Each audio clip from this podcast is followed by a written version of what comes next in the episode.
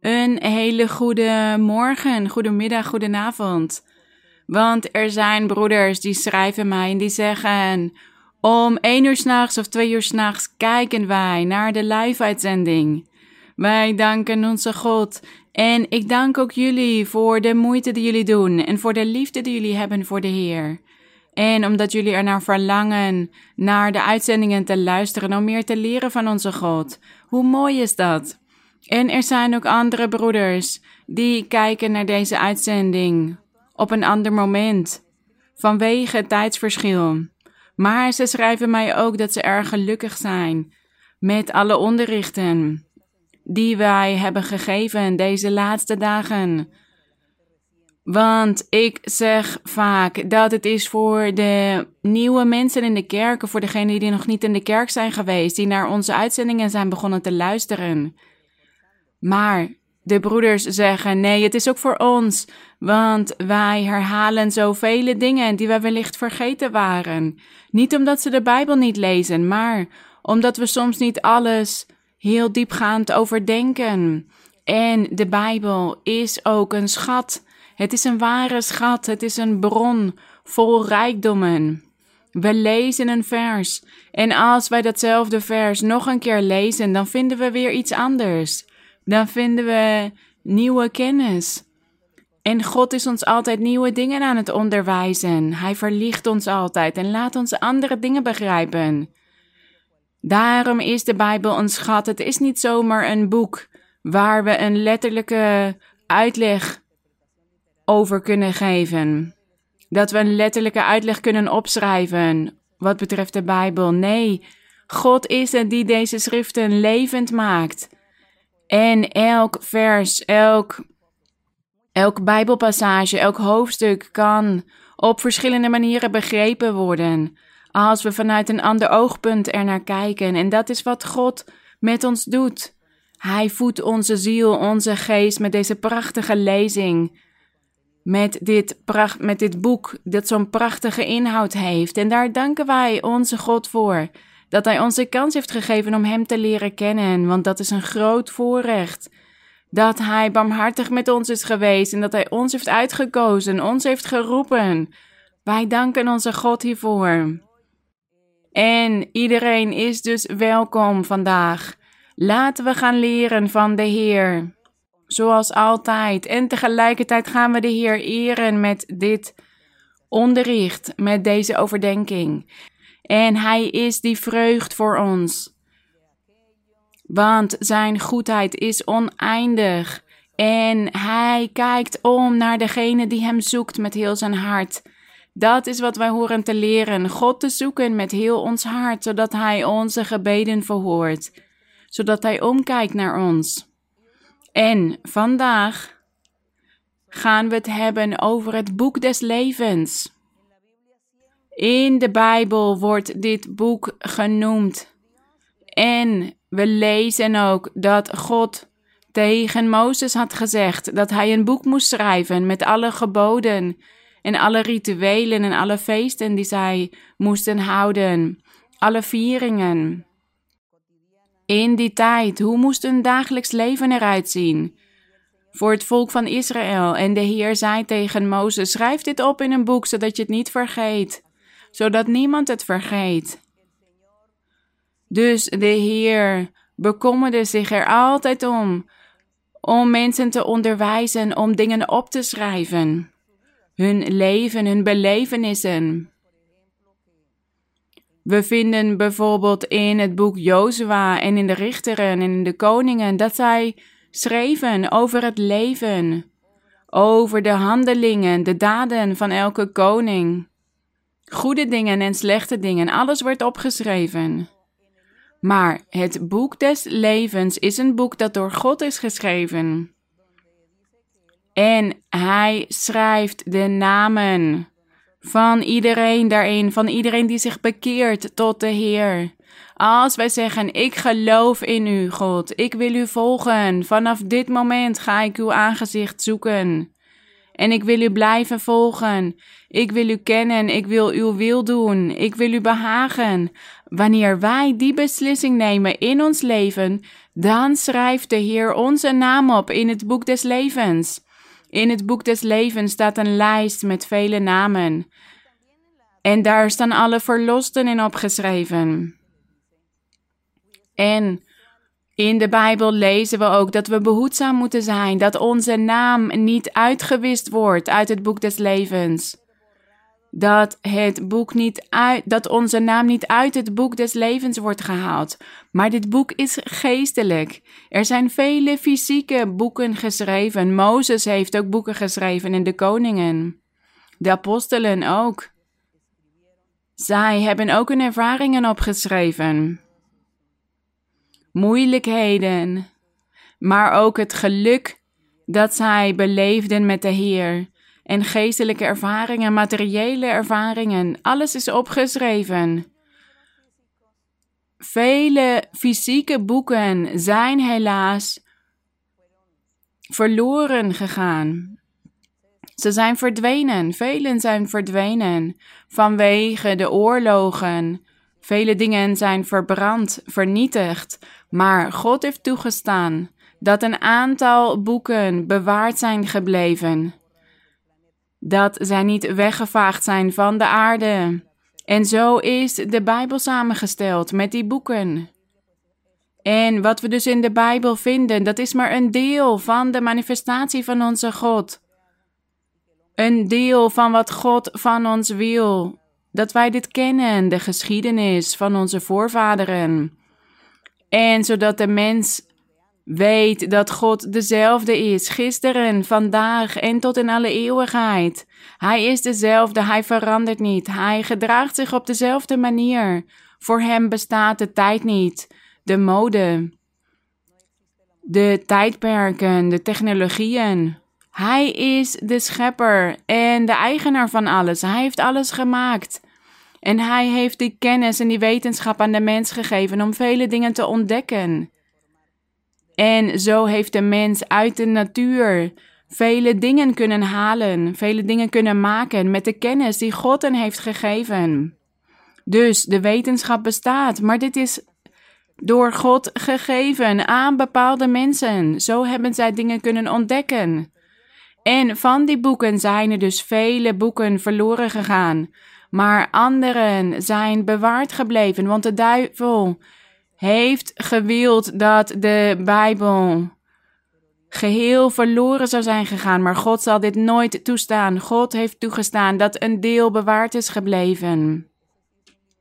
Maar het boek des levens, dit is een geestelijk boek en niemand kan dit dus vernietigen, niemand kan dit aanraken, want het is een geestelijk boek. En we gaan in de Bijbel lezen. We zullen lezen over verschillende boeken. In Exodus gaan we beginnen. Exodus hoofdstuk 17, vers 14. Ik neem aan dat jullie allemaal al plaatsgenomen hebben en dat jullie de Bijbel voor jullie hebben.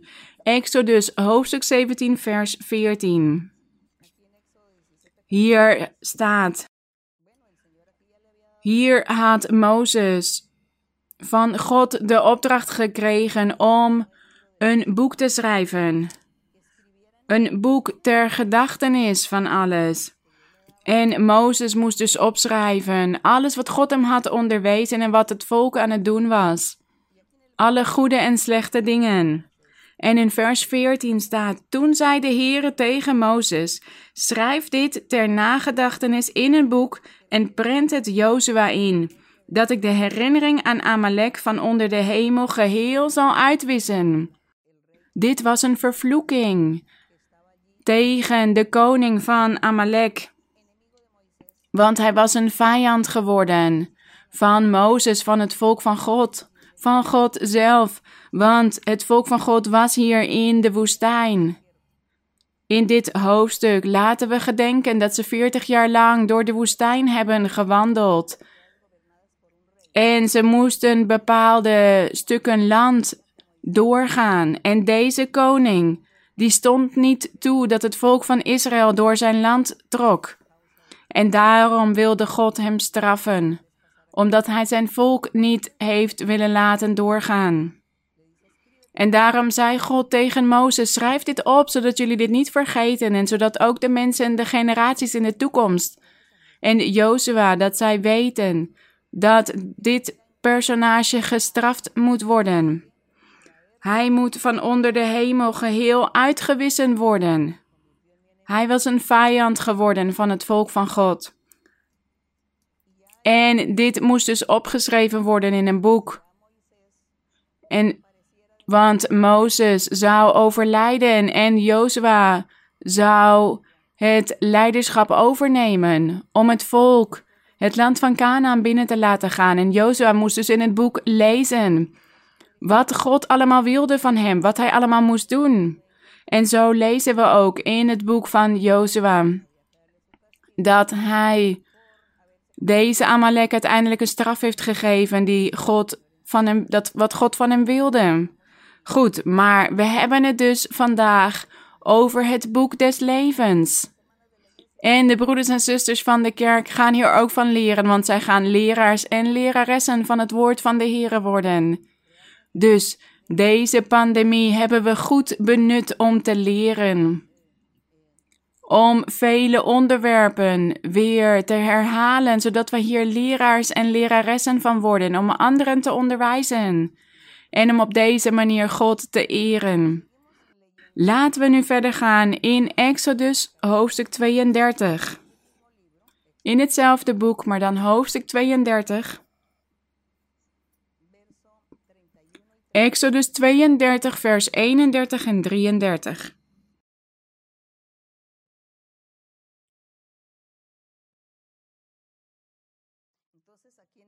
Hier in hoofdstuk 31 was God nog steeds tot Mozes aan het spreken. En hier lezen we over dat toen Mozes op de berg Sinaï was om met God te spreken, dat ondertussen het volk boos was geworden en tegen de priester Aaron waren opgestaan. En dat ze zeiden tegen hem dat God hen alleen had gelaten, dat Mozes hen alleen had gelaten. Want Mozes was veertig dagen en veertig nachten op de berg. En het volk dacht ondertussen dat Mozes was overleden daarboven en dat hij hen alleen had gelaten. En daarom zeiden zij: We hebben een God nodig. Wij hebben een God nodig, want we zijn alleen gelaten. En Aaron, hoewel hij dit eigenlijk niet wilde, heeft hij toch toegestaan dat ze een gouden kalf, een gouden stierkalf maakten. En God had dit natuurlijk allemaal gezien wat zij aan het doen waren. Dus hij zei tegen Mozes: Ga terug naar het volk, ga naar beneden. Kijk wat ze allemaal aan het doen zijn. Ze zijn mij al vergeten. Zij gehoorzamen mij niet. Ga terug naar hen. Ik zal hen straffen. De Heer was boos geworden vanwege dit kalf dat zij hadden gemaakt. Hij was boos geworden op het volk. En Mozes heeft toen voor het volk gebeden als bemiddelaar. Hij zei: Vernietig hen niet, laten we doorgaan. Deze mensen hebben gezondigd, ja, maar laten we doorgaan, vergeef het hen. En in dit hoofdstuk hoofdstuk 32, vers 31 staat dan: Toen keerde Mozes terug tot de Heere en zei: Hij was dus naar het volk teruggegaan en hij had het gouden stierkalf gezien. En daarna ging hij terug naar God, staat hier, en zei: Och, dit volk heeft een grote zonde begaan, want zij hebben voor zichzelf een gouden God gemaakt. Een gouden God, dat kalf dat ze hadden gemaakt. Nu dan, of u toch hun zonden wilde vergeven. Maar indien niet, dus als u hen niet die zonde wil vergeven, schrap mij alstublieft uit uw boek dat u geschreven hebt. Dat zegt Mozes tegen de Heer. Hij zegt: Schrap mij dan maar uit uw boek. Maar God antwoordt hem in vers 33. Toen zei de Heere tegen Mozes: wie tegen, wie tegen mij zondigt, zal ik uit mijn boek schrappen. Maar nu ga heen en leid het volk naar de plaats waarvan ik u gesproken heb, naar het land van Canaan. Zie, mijn engel zal voor u uitgaan, maar op de dag van mijn vergelding zal ik aan hen hun zonde vergelden. Dus die zonde van dit gouden stierkalf als God. Zo trof de Heer het volk omdat zij dat kalf gemaakt hadden dat Aaron gemaakt had. Dus de Heer zei: Wie tegen mij zondigt, die zal uit mijn boek geschrapt worden, die zal ik uit mijn boek schrappen. Zo, zoals ik aan het begin vertelde, op het moment dat wij de Heer aannemen en dat wij die beslissing nemen om op zijn weg te gaan, dan de eerste stap, het eerste wat God doet, is onze naam opschrijven in het boek des levens. En hij geeft ons dan de kans om te veranderen, om te beteren, om de geloofsleer te kennen. En wij beginnen dan te veranderen, we beginnen een nieuw leven te leiden. Dat is wat God van ons verwacht. En dan staan wij dus ingeschreven in het boek des levens. Maar als dan iemand terugvalt in zijn oude leven, als hij koppig opstandig wordt en zegt: Nee, ik wil deze weg van de Heer niet meer volgen, ik ga terug naar de wereld om daar te genieten van de zonde, dan zal God die persoon schrappen uit zijn boek. Daarom was de Heer Jezus altijd aan het, aan het onderwijzen. Hij zei altijd: Behoed jullie zelf. Zorg ervoor dat jullie naam niet gewist wordt uit het boek des levens. En vandaag leren wij hier ook van, zodat we behoedzaam zijn in ons geestelijk leven. En dat is niet zo moeilijk zoals velen zeggen, want velen zeggen het is zo moeilijk om niet meer te zondigen. Ik wil het wel, maar het lukt me niet. Nee, het is God die ons helpt. Wanneer Hij ziet dat wij in ons hart dat verlangen hebben om te veranderen, om God te behagen, dan helpt Hij ons. Dus het is niet moeilijk. Het is wellicht moeilijk om de beslissing te nemen, om ons er bewust van te worden dat wij meer van God moeten houden dan van onszelf en dan van de wereld.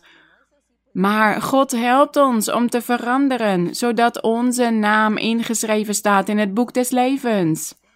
En laten we nu naar Psalmen gaan, naar het boek Psalmen, hoofdstuk 69.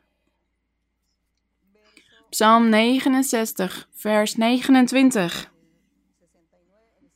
Psalm 69.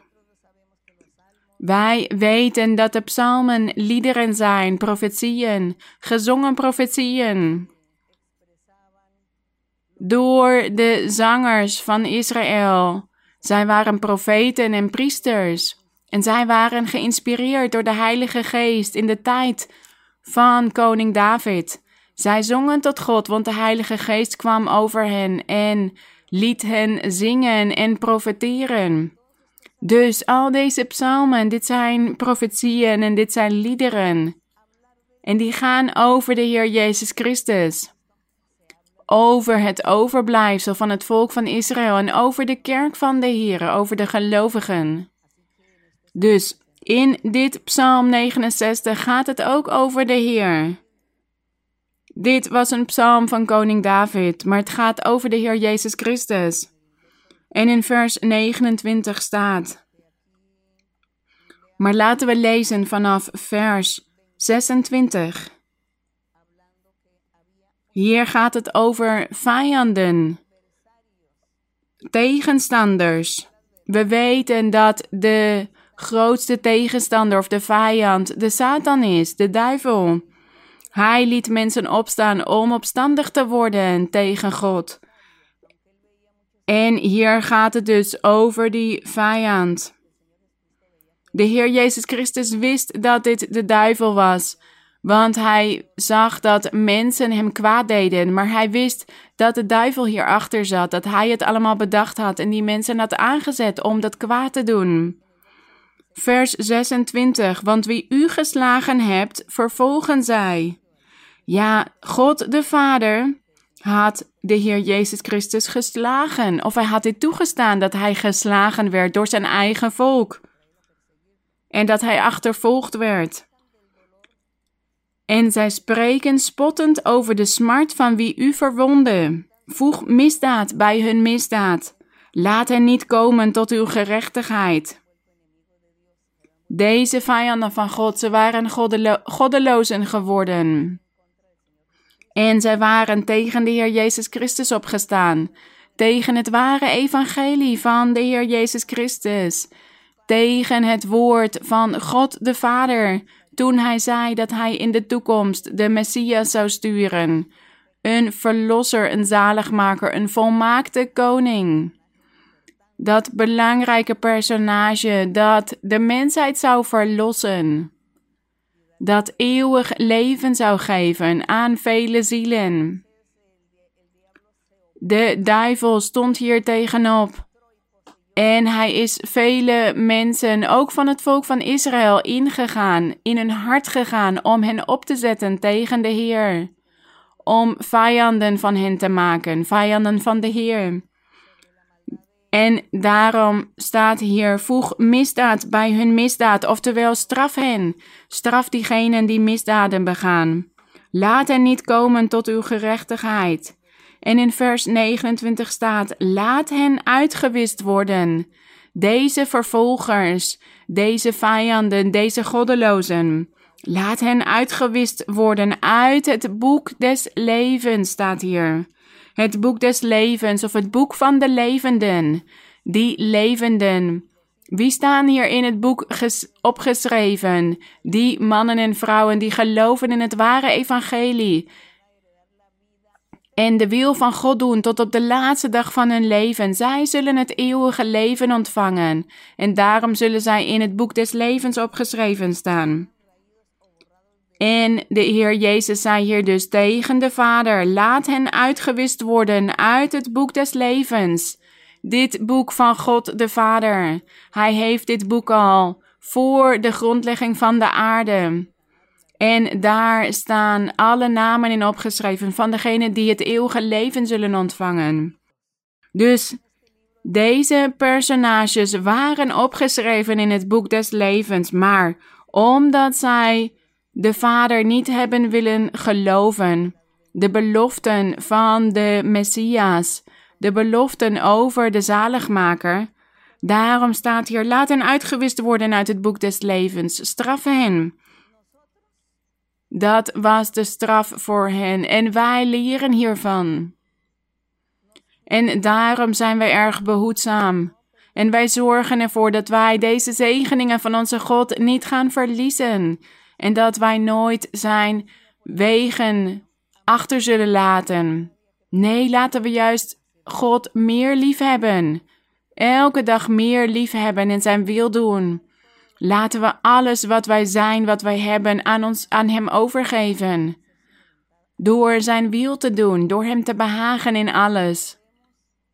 Want we weten dat we opgeschreven staan in het boek des levens, maar we willen dus niet uitgewist worden uit dit, prachtige boek. En laten wij nu gaan lezen in Ezekiel. Ezekiel hoofdstuk 13. De profeet Ezekiel. Iets verderop in het Oude Testament. Wat een prachtig boek heeft onze God, het boek des levens. Wat mooi om dit te overdenken. En laten we nu lezen in Ezekiel hoofdstuk 13, vers 9. Dit boek gaat over de veroordeling van de valse profeten. Want er zijn valse profeten geweest in de oudheid. En de Heer was zo boos op hen geworden. Want om hun eigen leven te behouden, profeteerden zij tot de koningen, tot de leiders, wat die koningen of die leiders wilden horen. Om hen te behagen, zij wilden die koningen en die leiders behagen, maar niet God behagen. Dus God openbaarde hen die profetieën niet, maar zij begonnen gewoon zelf te profeteren over wat de koningen wilden horen. En zo zijn ze dus valse profeten geworden. En God was boos op hen geworden en heeft hen alleen gelaten. En hij gaf hen dus geen visioenen meer en geen profetieën. En hij was zo boos op hen geworden dat hij over hen zegt. Ezekiel 13, vers 9. Mijn hand zal tegen de profeten zijn die valse visioenen zien en leugen waarzeggen. Zij zullen niet tot de kring van mijn volk behoren, want zij profeteerden leugens tot de priesters en de koningen en de ouderlingen, de leiders van het volk. En ze zeiden dat het God was die dat tegen hen zei. En daarom leefden ook die koningen en die leiders in zoveel zonden en deden ze zoveel gruwelijkheden, omdat de valse profeten hen niet waarschuwden.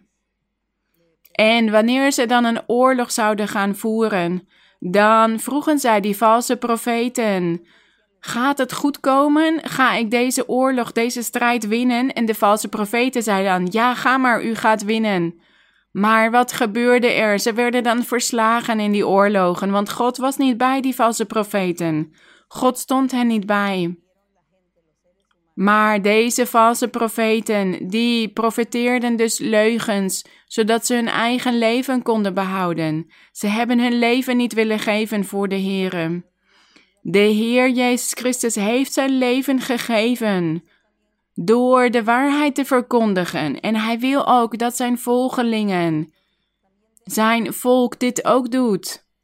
Dat ze hun leven geven voor de waarheid. Maar deze valse profeten hebben dit niet gewild.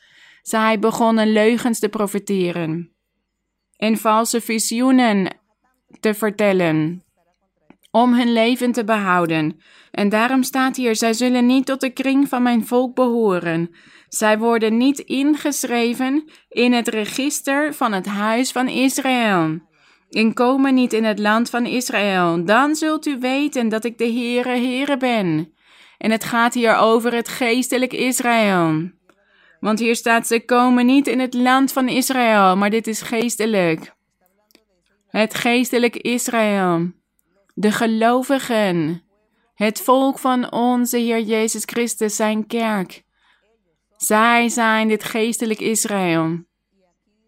En hier staat dus dat deze valse profeten niet ingeschreven mochten staan in dit register of in dit boek van het huis van Israël.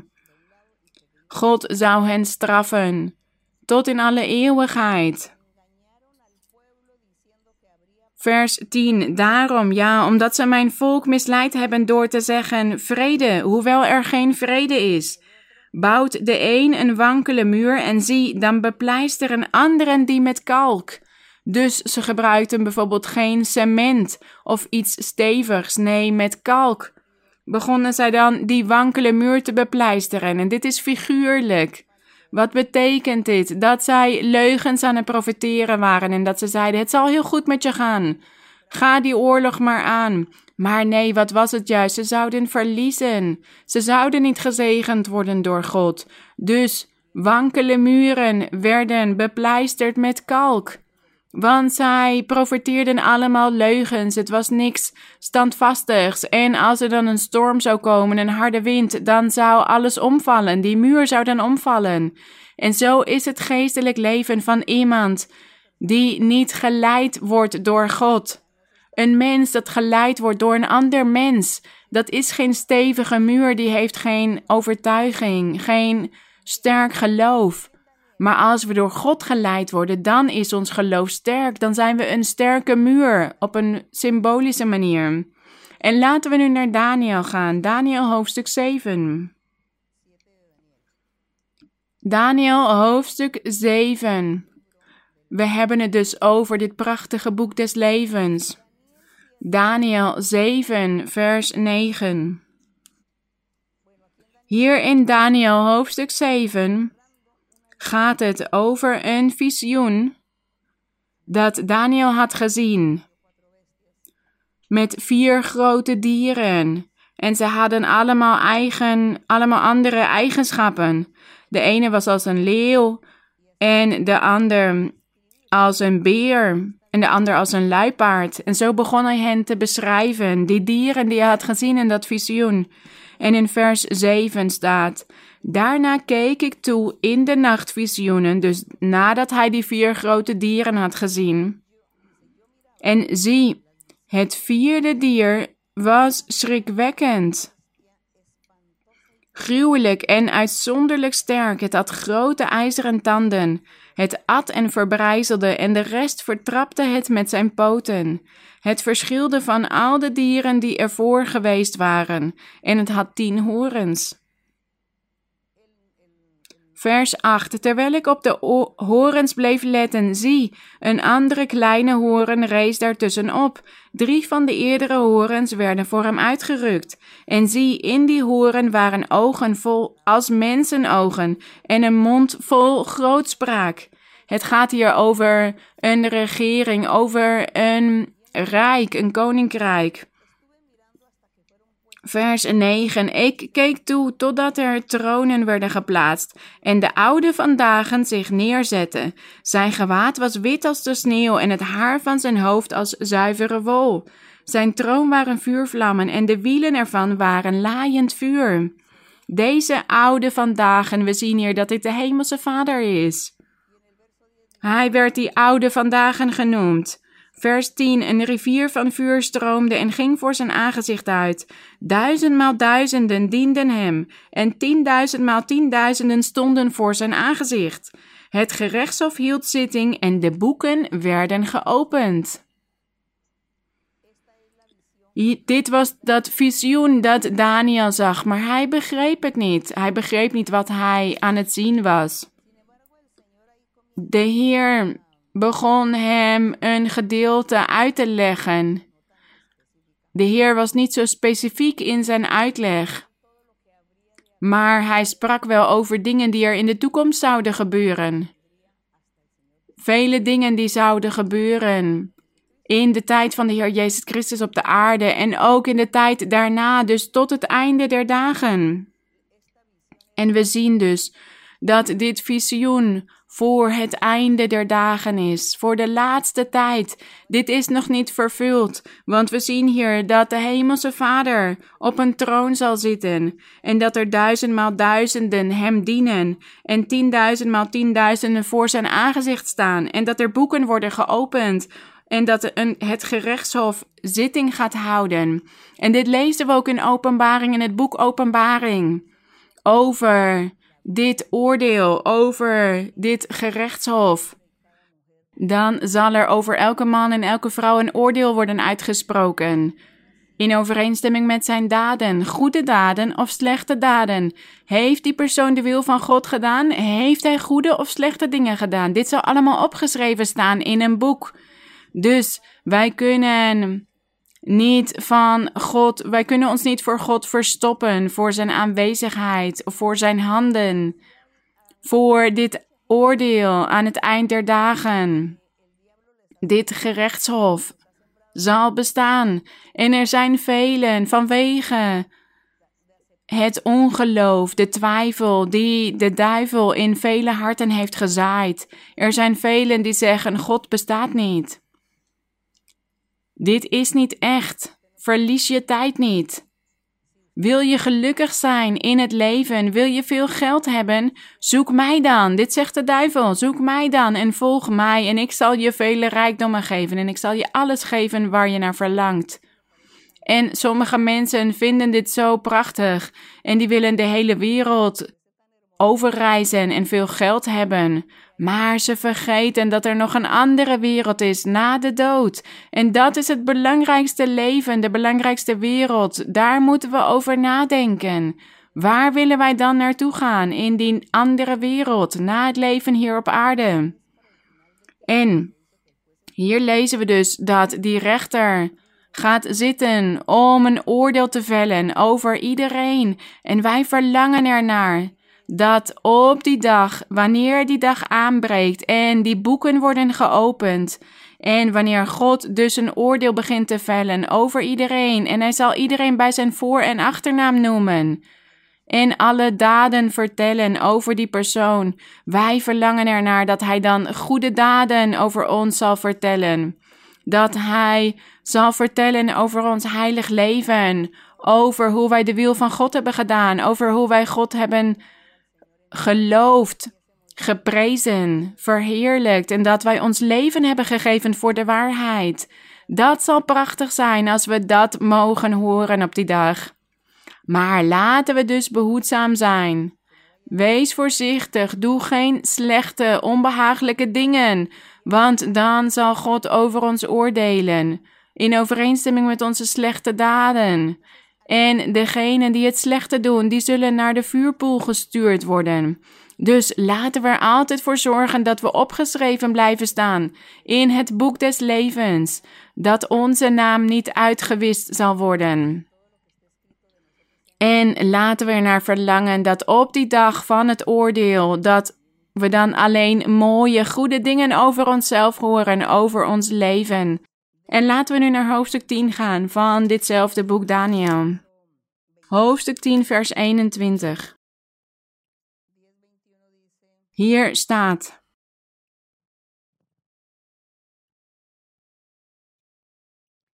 Daniel had vele visioenen gezien en hij begreep vele dingen niet. Dus hij vroeg altijd aan de engel: Ik begrijp het niet, leg het mij uit.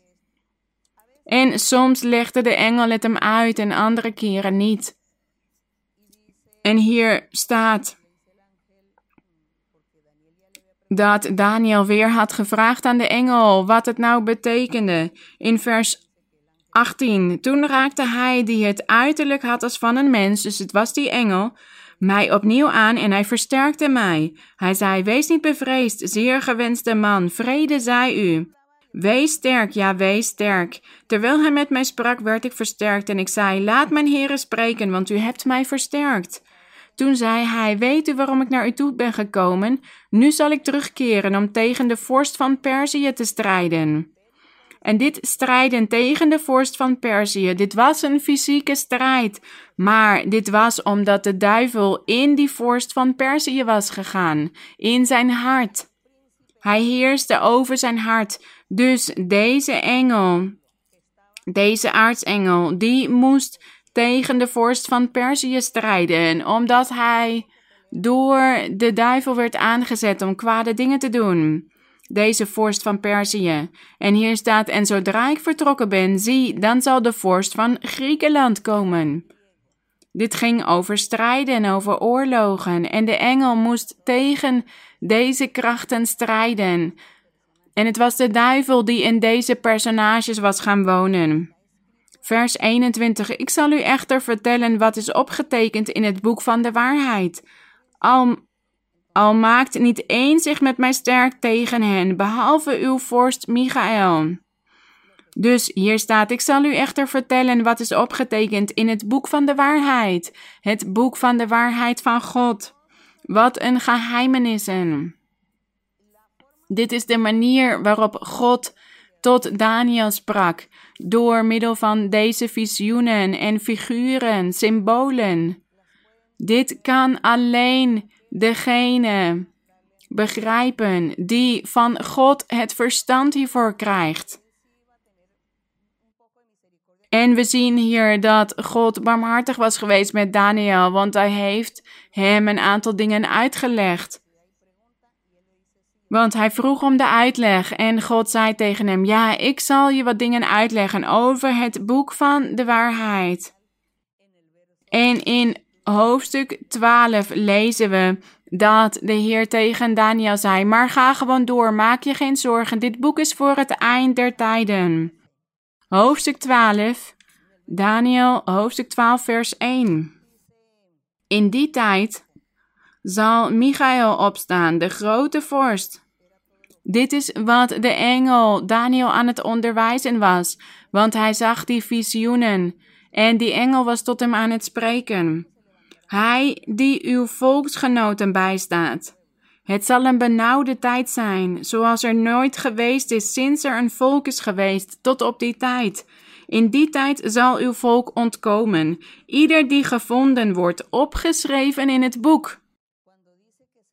Hier staat: In die tijd zal uw volk ontkomen. Het gaat hier over het overblijfsel van het volk van Israël, degene die wel in de Heer Jezus Christus hebben geloofd als de Verlosser, als de Messias, als de gezant van God. Zij stonden opgeschreven in het boek des levens. Hier staat ieder die gevonden wordt opgeschreven in het boek, het boek des levens. En velen van hen die slapen in het stof van de aarde zullen ontwaken, sommigen tot eeuwig leven, anderen tot smaad, tot eeuwig afgrijzen. De verstandigen zullen blinken als de glans van het hemelgewelf, en zij die er velen rechtvaardigen als de sterren, voor eeuwig en altijd. Maar u, Daniel, houd deze woorden geheim en verzegel dit boek tot de tijd van het einde. Dus Daniel was nieuwsgierig geworden en hij vroeg aan de engel om uitleg. Maar de Heer zei tegen hem: Houd deze woorden geheim en verzegel dit boek tot de tijd van het einde. Velen zullen het onderzoeken en de kennis zal toenemen.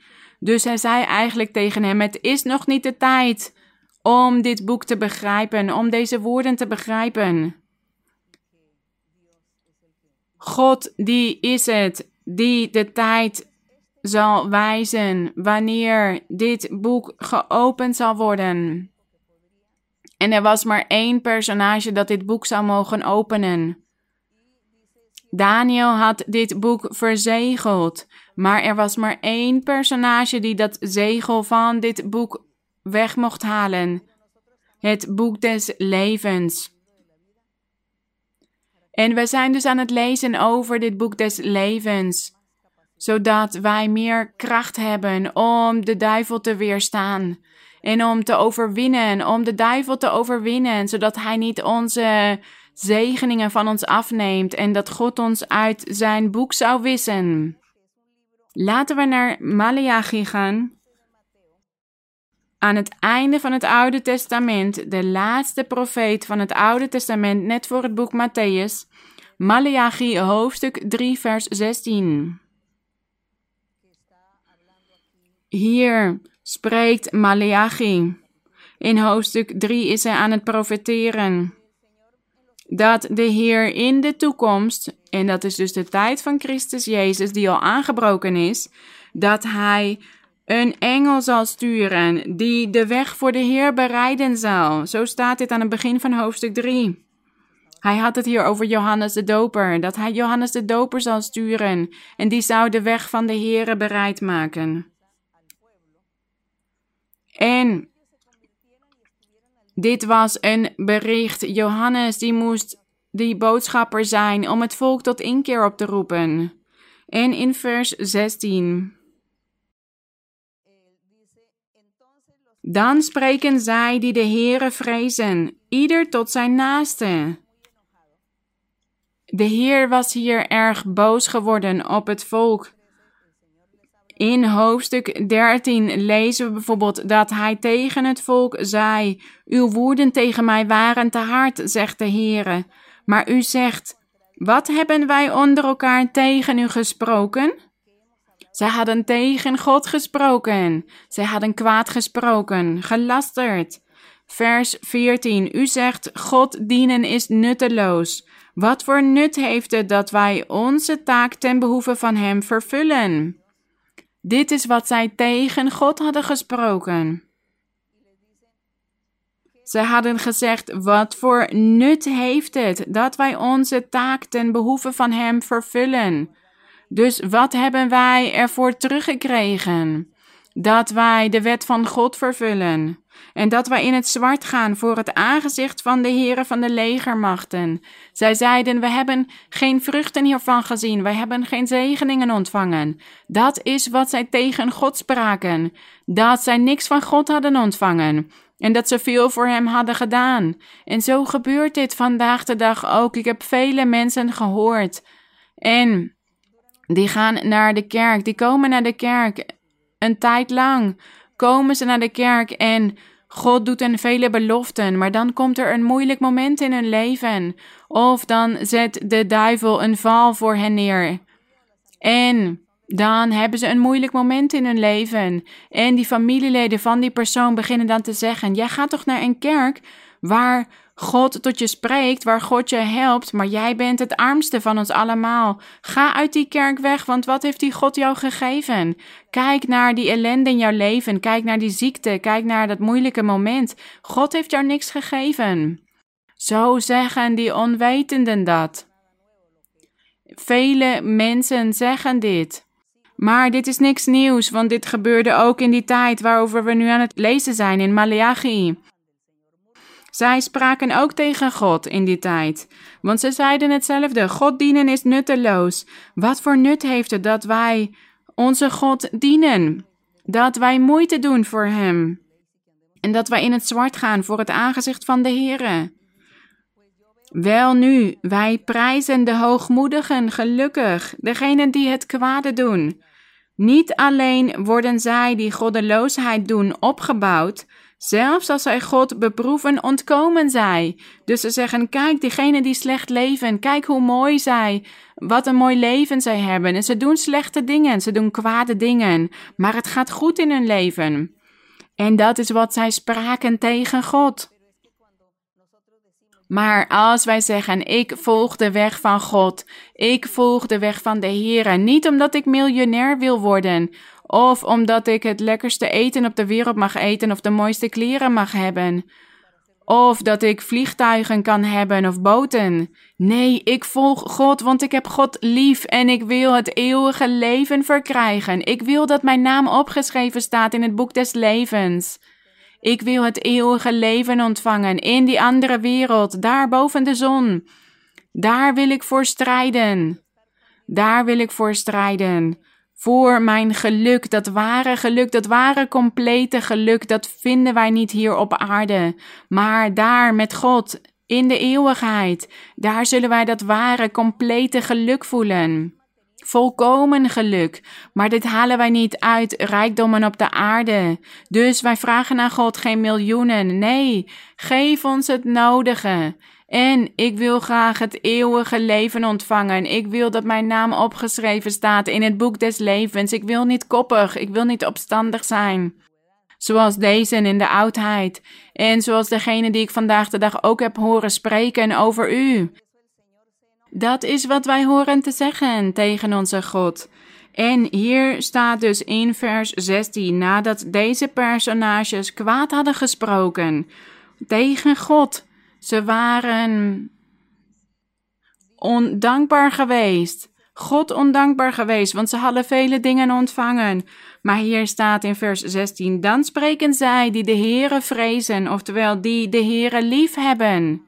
Die de Heere lief hebben zonder hier zelf beter van te worden, zonder materiële interesses te hebben. Dan spreken zij, ieder tot zijn naaste. De Heere slaat er acht op en luistert. De Heere slaat acht op degene die hem lief heeft. En degene die zegt: laten we onze God blijven volgen, laten we op hem vertrouwen, laten we hem zoeken. Laten we aandachtig zijn op wat Hij ons onderwijst en laten we Hem loven en verheerlijken en prijzen. Dat is waar de Heer naar luistert. Want hier staat: De Heer slaat er acht op en luistert. Hij luistert naar degenen die van Hem houden. Er is een gedenkboek geschreven voor Zijn aangezicht. Voor wie de Heere vrezen of voor wie de Heere liefhebben. Voor wie God liefhebben, voor wie God volgen voor en wie zijn naam hoogachten, staat hier. Wie zijn naam verheerlijken, eren, verheffen. Hoe prachtig is dit? Wat mooi. God kijkt naar degenen die hem liefhebben. Hij luistert naar de kwaadspraak van vele mensen, maar hij kijkt om naar degene die van hem houdt. En hier staat dus dat dit in een gedenkboek opgeschreven staat. En in het boek des levens moet dit allemaal opgeschreven worden, want degenen die hem vrezen, die hem liefhebben, die zullen hun beloning ontvangen. En, wat staat hier in vers 17? En zij zullen voor mij, zegt de Heer van de legermachten, op die dag die ik maken zal, een persoonlijk eigendom zijn. De glorie zij aan onze God. Mogen wij allemaal een persoonlijke eigendom voor onze God zijn, want dat is het grootste geschenk wat een mens zou kunnen ontvangen op de aarde. Dat wij een persoonlijke eigendom voor onze God zijn. Oftewel een speciale schat voor onze God. Dat Hij ons als een schat ziet. Gezegend zij onze Heer, want hier staat: Ik zal hen sparen, zoals een man zijn zoon spaart die hem dient. Wat prachtig om opgeschreven te mogen staan in het boek des levens. En laten we nu naar Lucas gaan, het evangelie volgens Lucas in het Nieuwe Testament. Hoofdstuk 10. Lucas hoofdstuk 10 vers 20. De Heer Jezus Christus is hier het koninkrijk der hemelen aan het verkondigen. Hij had 70 uitgezonden, twee aan twee, zodat zij het hele land van Judea zouden evangeliseren. En hij had hen instructies gegeven om te evangeliseren. En hij had gezegd: Ga de huizen binnen, ontvang wat men jullie aanbiedt.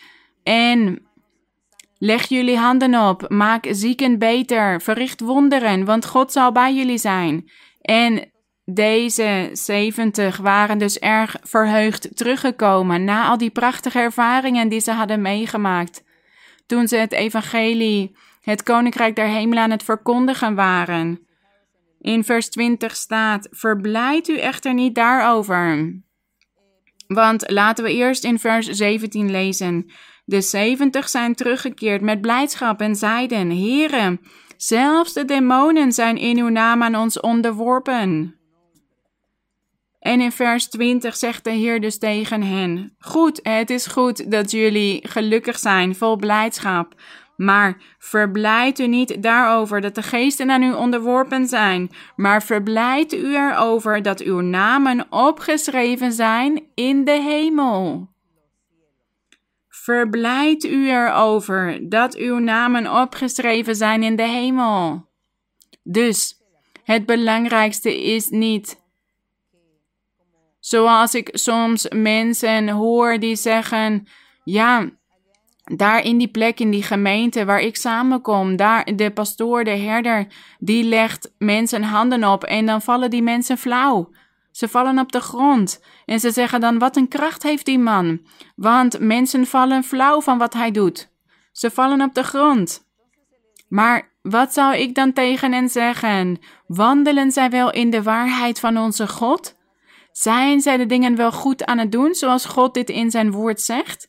Ik denk het niet. Ik denk het niet. Ik denk dat het hen aan veel ontbreekt.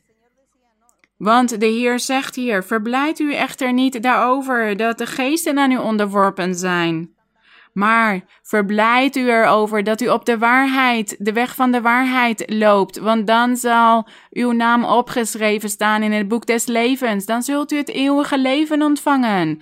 Daar moeten we ons over verblijden. Maar om onze naam in het boek des levens opgeschreven te zien staan, moeten wij al zijn geboden naleven.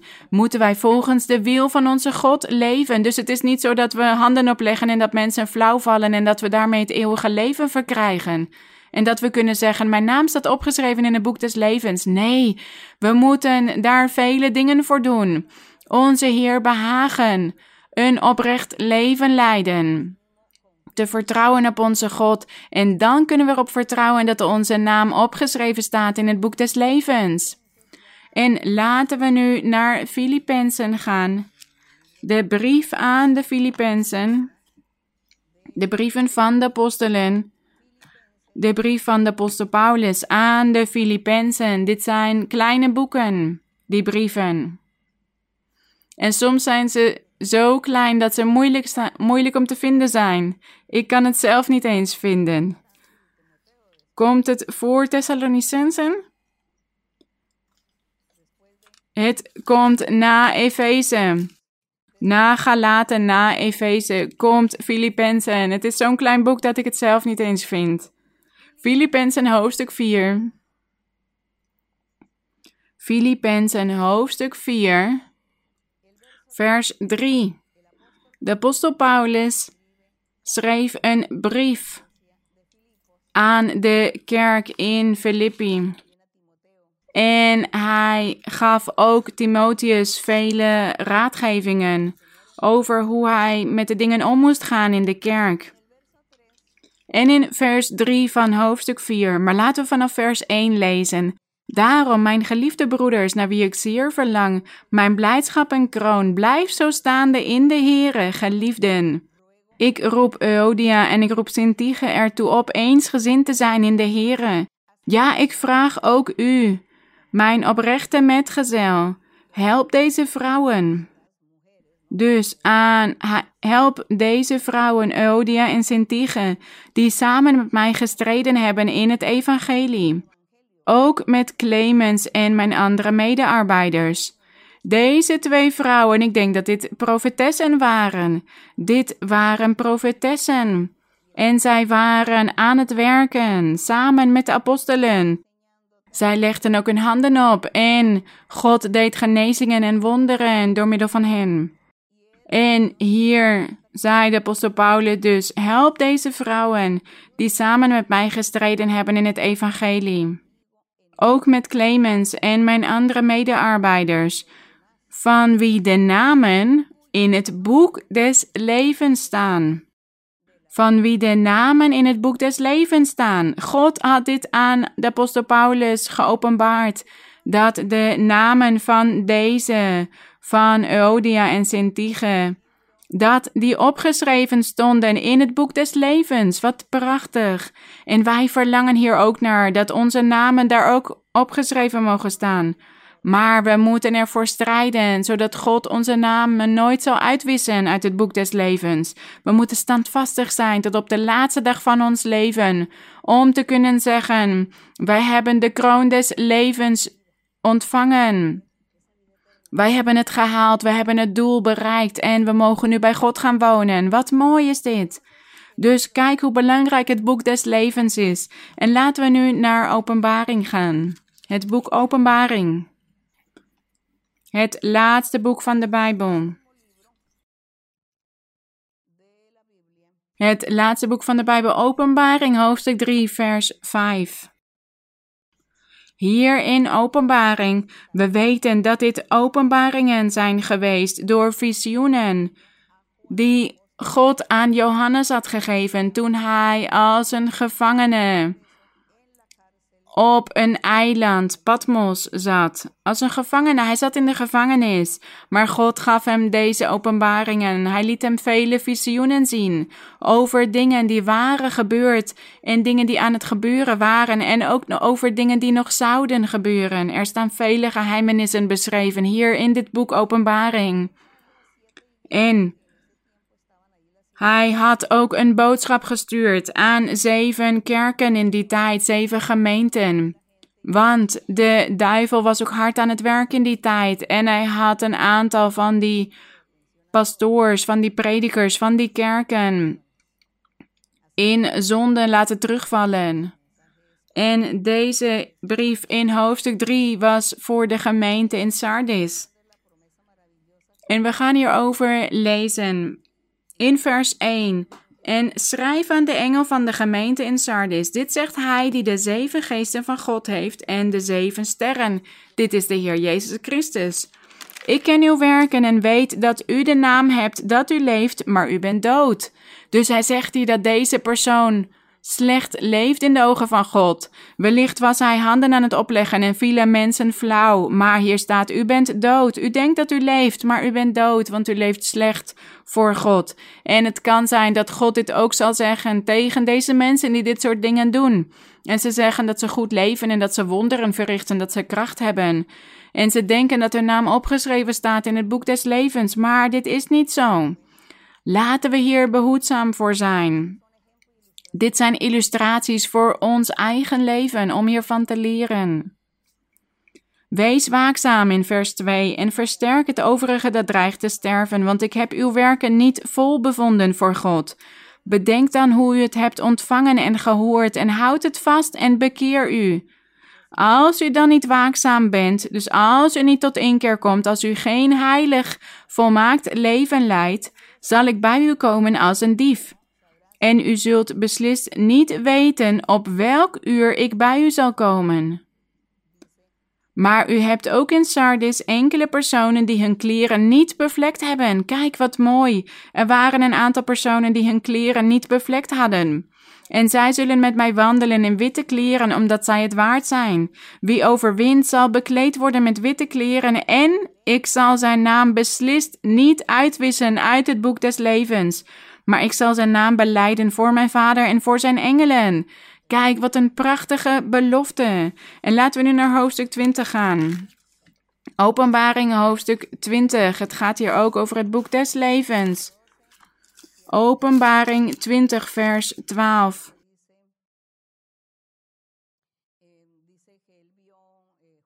Hier staat in vers 11 dat hij een grote witte troon zag, Johannes, en hem die daarop zat, God dus. Voor zijn aangezicht vluchtten de aarde en de hemel weg, zodat er geen plaats meer voor hen te vinden was.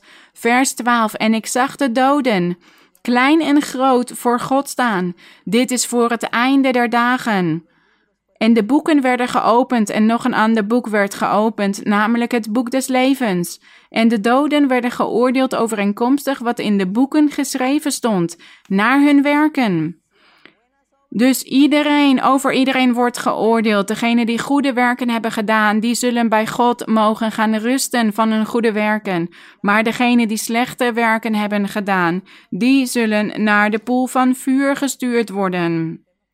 Dat is heel verdrietig, maar daarom willen wij juist gehoorzame kinderen van onze God zijn. Onze God liefhebben en Hem vragen om ons te helpen dit heilige, volmaakte leven te kunnen leiden op aarde, zodat we bij Hem zullen mogen zijn in de eeuwigheid. Want hier staat in vers 15: En als iemand niet bleek ingeschreven te zijn in het boek des levens, werd hij in de poel van vuur geworpen. Wat een verdriet! Dit is voor de toekomst. Dit zal gebeuren. En daarom willen wij dat jullie allemaal tot inkeer komen, dat jullie allemaal tot God bekeren. De mensen die naar onze uitzendingen luisteren en die de kerk nog niet kennen. Bekeert u zich ook tot onze God en volg deze weg. En als u zegt, ik bega zoveel zonden in mijn leven of ik heb heel veel slechte gewoonten, maakt u zich geen zorgen. Als uw hart oprecht is tot God, dan zal hij u helpen om dit allemaal uit uw weg te nemen, want God is barmhartig. God is genadig, maar hij wil zien dat u die beslissing neemt om hem te volgen. Want als u die beslissing niet neemt, dan zal God niet handelen. Hij kijkt naar het hart van iedereen. Hij zoekt een verslagen en vernederd hart. Een nederig hart zal hij niet verachten. Dus verlangen naar om te veranderen. Verlangen naar om het goede te doen, het juiste te doen, goede werken te doen. En dan zal God u helpen. Hij zal u helpen. Hoofdstuk 21. Hoofdstuk 21, vers 27. Dit was ook een visioen dat Johannes zag. Vers 25, het gaat hier over een stad met poorten die nooit gesloten worden, want er zal geen nacht zijn. En ze zullen de heerlijkheid en de eer van de naties daarin brengen. In die stad, in die tempel, de kerk van de Heer, het nieuwe Jeruzalem. Vers 27. Al wat onrein is, zal er niet inkomen. Vers 27. Lees met mij mee. Al wat onrein is, zal er niet inkomen. En ook niemand die zich bezighoudt met gruwelen en leugens. Maar alleen zij die geschreven zijn in het boek des levens van het Lam. Gezegend zij de naam van onze Heer. Dus u moet ervoor strijden om geschreven te zijn in het boek des levens. Want hier staat: al wat onrein is, zal er niet inkomen. Dus we moeten rein zijn. We moeten er moeite voor doen om rein te worden, zodat we hier opgeschreven kunnen staan in dit boek. Vers hoofdstuk 22, vers 18. Openbaring 22, vers 18. Want ik getuig aan ieder die de woorden van de profetie van dit boek hoort, dit boek Openbaring, als iemand iets aan deze dingen toevoegt, dus aan deze openbaring die hier staat beschreven, zal God hem de plagen toevoegen die in dit boek geschreven zijn. Zien jullie wel dat God deze schriften levend maakt? Hij maakt de schriften levend, alles wat geschreven staat. Vers 19. En als iemand afdoet van de woorden van dit boek Openbaring, van deze profetie, zal God zijn deel afdoen van het boek des levens en van de heilige stad, van de dingen die in dit boek geschreven zijn. Dan zal God zijn naam uitwissen uit het boek des levens. Dus niemand mag deze tekst veranderen, verdraaien, er iets aan toevoegen of er iets van afhalen. Want God zal hem dan straffen en hij zal hem dan uitwissen uit het boek des levens. Maar wij verlangen er juist naar om wel opgeschreven te staan in dit boek en om niet uitgewist te worden. Laten we teruggaan naar Openbaring hoofdstuk 5. Laten we iets teruggaan in dit boek naar hoofdstuk 5, vers 1. Hier staat in vers 1, het gaat hier over een visioen van Johannes.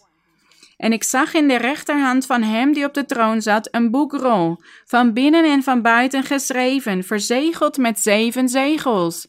Dit is het boek dat Daniel in zijn visioen had gezien. Dat God tegen hem had gezegd: verzegel dit boek voor het einde der tijden. In Daniel.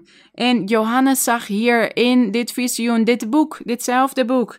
Want hier staat: het was verzegeld met zeven zegels. En ik zag een sterke engel die met luide stem uitriep: Wie is het waard de boekrol te openen en zijn zegels te verbreken?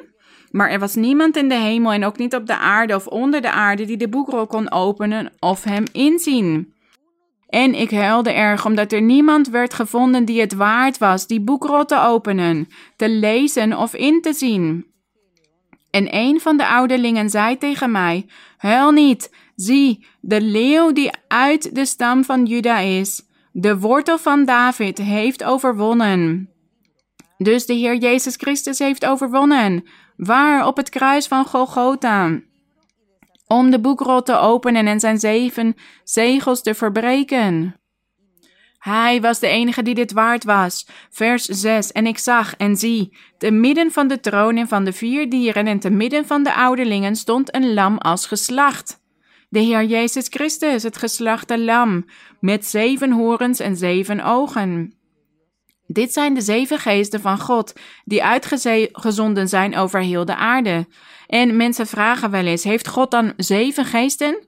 Nee, dit zijn gewoon dienaars, boodschappers, die hij uitzendt over heel de aarde.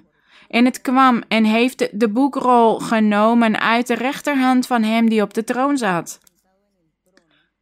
En toen het de boekrol genomen had, wierpen de vier dieren en de 24 ouderlingen zich voor het lam neer. Dus voor de Heer Jezus Christus. Ze hadden elk een citer en gouden schalen vol reukwerk. Dit zijn de gebeden van de heiligen. Dus we zien hier, wat leren we hier ook van?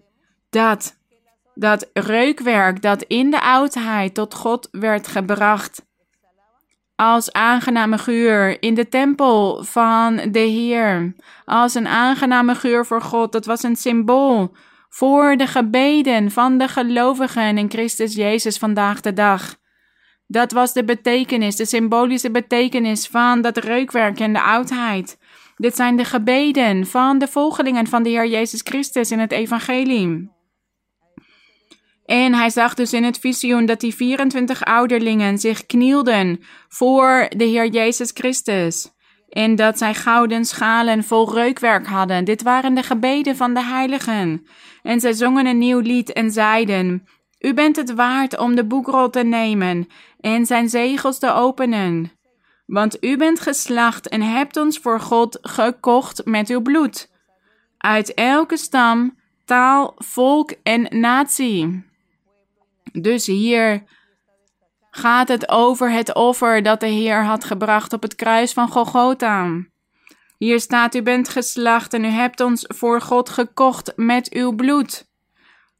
Allen die zich tot u zullen bekeren. Hier staat uit elke stam, elke taal, elk volk en elke natie. Dus niet alleen de mensen van het volk van Israël, maar mensen van over de hele wereld. Ze zijn allemaal gewassen met het bloed van de Heer Jezus Christus. Hun zonden zijn vergeven door het offer van de Heer op het kruis van Golgotha. Dus we zien hier dat het volk van God niet uit één specifiek land komt. Het is geestelijk. Het zijn mensen van over de hele wereld. De geest van God is bij iedereen die naar Hem zoekt, die naar dit ware evangelie zoekt. En hier staat dus van elke taal, elk volk en elke natie, elk land. Gezegend zij de naam van onze Heer. En hij was dus de enige die de boekrol mocht openen, die de zegels mocht verbreken. En zo hebben we dus gelezen over vele boeken en ook over het boek des levens, waarin geschreven staan al diegenen die het eeuwige leven zullen ontvangen. En ook al die andere boeken waar alle slechte daden van andere mensen in opgeschreven staan. Degenen die God niet hebben willen aannemen. Degenen die zich hebben willen laten leiden door hun trots, door hun arrogantie.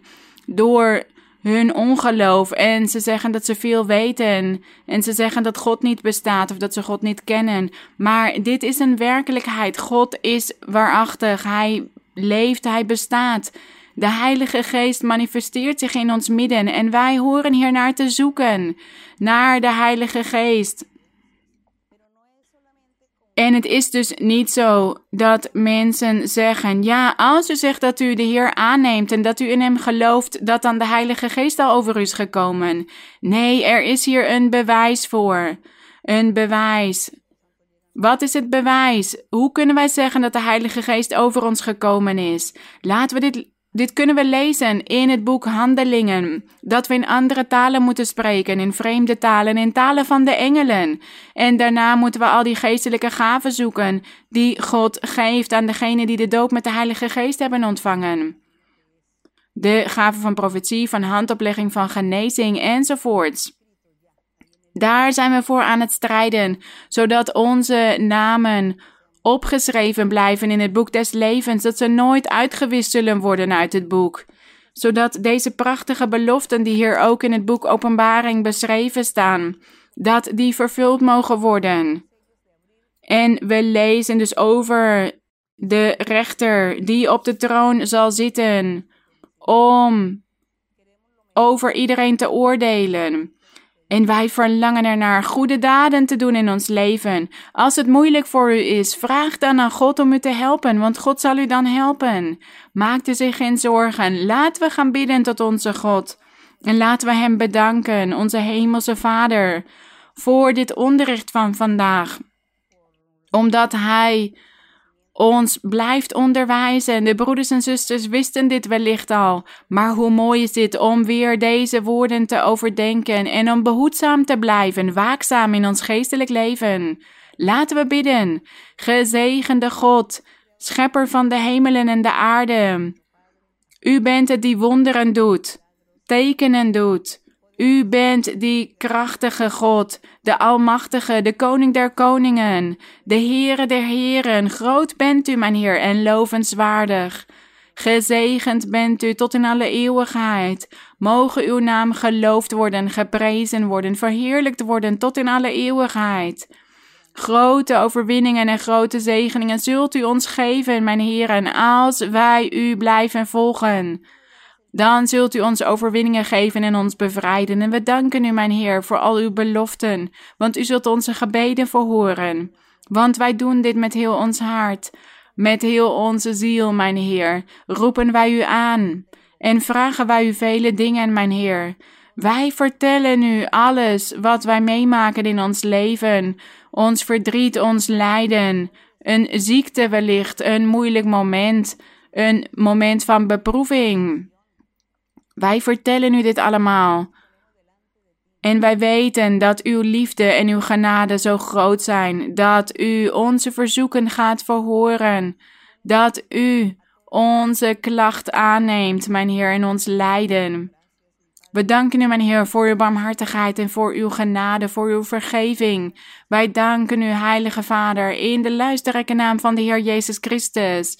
Ik vraag u om barmhartig te zijn om genade te hebben en verhoor alle gebeden van mannen en vrouwen en ouderen en kinderen. Al die gebeden die op dit moment tot u gericht worden, mijn Heer, want er zijn velen die zijn aan het lijden.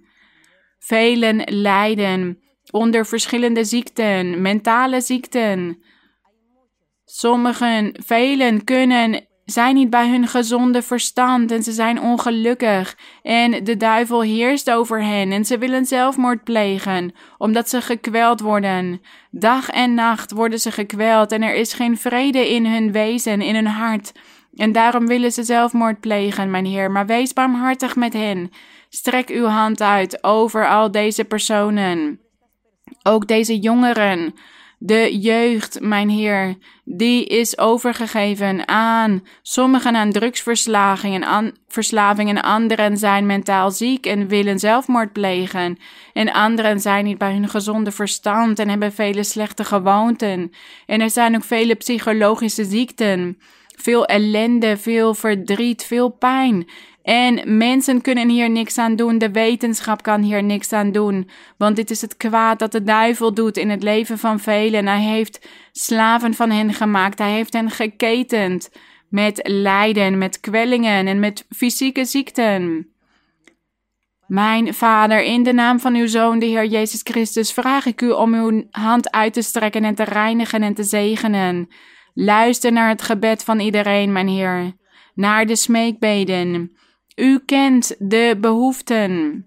U kent de pijn, het verdriet en het onbegrip, misverstanden, verdeeldheid in de families, in de gezinnen, boosheid, wraak, wrok, jaloezie. Al deze dingen, mijn Heer, die de vrede en het geluk vernietigen. Mijn Vader, wees barmhartig. Wees barmhartig en luister naar elk gebed, mijn Heer, naar elke smeekbede. Bevrijd, mijn Heer, bevrijd degenen die niet kunnen bidden, omdat hun verstand hen dat niet toestaat, omdat zij ziek zijn en ze kunnen niet zelf nadenken. Wees ook barmhartig met al die baby's en kinderen. Wees bij iedereen, mijn Heer. En help iedereen om zich voor u te presenteren in gebed, mijn Heer. En zegen ook de kerk, de gemeente, de samenkomst. Zegen de broeders en zusters die samenkomen in de kerk. Help hen bij al die achtervolgingen die de duivel in hun leven zet. Help hen om te overwinnen, mijn Heer. Bevrijd en reinig, mijn Heer. Wij danken u, mijn Heer. Zegen al uw kinderen. Zegen allen die het einddoel willen bereiken, mijn Heer. Wij danken u, mijn Heer. En velen verlangen ernaar u met een oprecht hart te zegenen en te loven en te prijzen. Bevrijd hen, mijn Heer, en genees hen. We danken u, mijn Heer, in de luisterrijke naam van de Heer Jezus Christus. Wij danken u. Glorie aan de Vader, glorie aan de Zoon en glorie aan de Heilige Geest tot in alle eeuwigheid. De glorie zij aan onze God. De glorie zij aan mijn Heer en onze God. Mogen de Heer jullie allemaal groot zegenen. Ik hou van jullie. Ik heb jullie lief in de Heer. Vele omhelzingen voor jullie. Mogen God jullie zegenen. Dank jullie wel.